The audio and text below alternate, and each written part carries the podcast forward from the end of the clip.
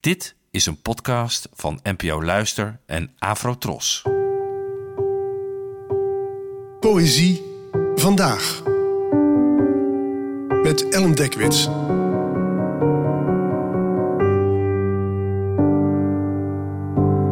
Hallo, fijn dat je luistert.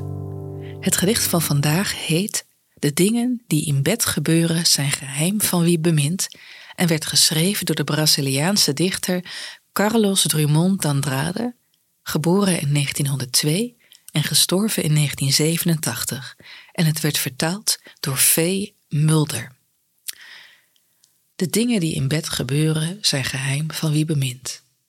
Het geheim van wie bemint is niet slechts oppervlakkig het genot te kennen dat ons diep doordringt, tot stand gebracht op deze aarde en zo ver van de wereld dat het lichaam dat het lichaam vindt en daarin voortgaat op zijn vaart, de vrede vindt van groter gaarde, vrede als in de dood, onaards als een nirvana, penis slaap, o bed, o zoet zoet wiggelied, slaap kindje slaap, nu slaapt de boze jaguar, nu slaapt de argeloze vagina, en de sirene slaapt, de laatste of voorlaatste, en de penis slaapt, de puma, het uitgeputte wilde dier.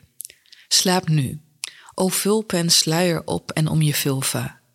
En laten zij die minnen zwijgen, tussen laken en gordijnen nat van zaad, van de geheimen van de dingen die in bed gebeuren.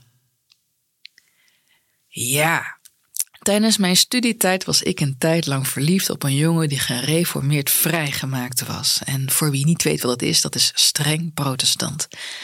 En deze jongen ging zondags tweemaal naar de kerk en hij kende de Bijbel zo ongeveer uit zijn hoofd en las daarnaast vier romans per week. Een relatie met een uh, ongelovige was voor hem uit den boze, dus onze liefde was onmogelijk en zo waren we onafscheidelijk. Ehm, het verste dat we ooit zijn gegaan was het vasthouden van elkaars hand en het samenlezen van proza en poëzie.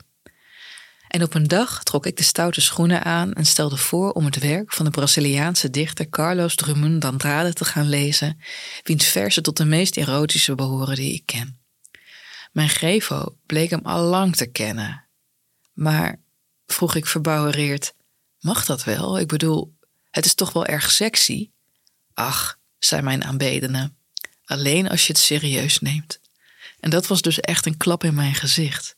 Ik heb altijd zo opengestaan voor verhalen, voor de kracht van tekst, dat ieder woord direct een verbinding aanging met mijn hoofd en mijn lijf. En het was nooit in me opgekomen dat sommige literatuur als gewoon maar wat verzinseltjes zouden zien.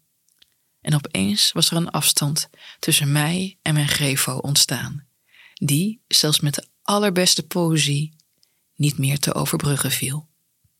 Bedankt voor het luisteren en tot de volgende keer. Afro Tros, de omroep voor ons.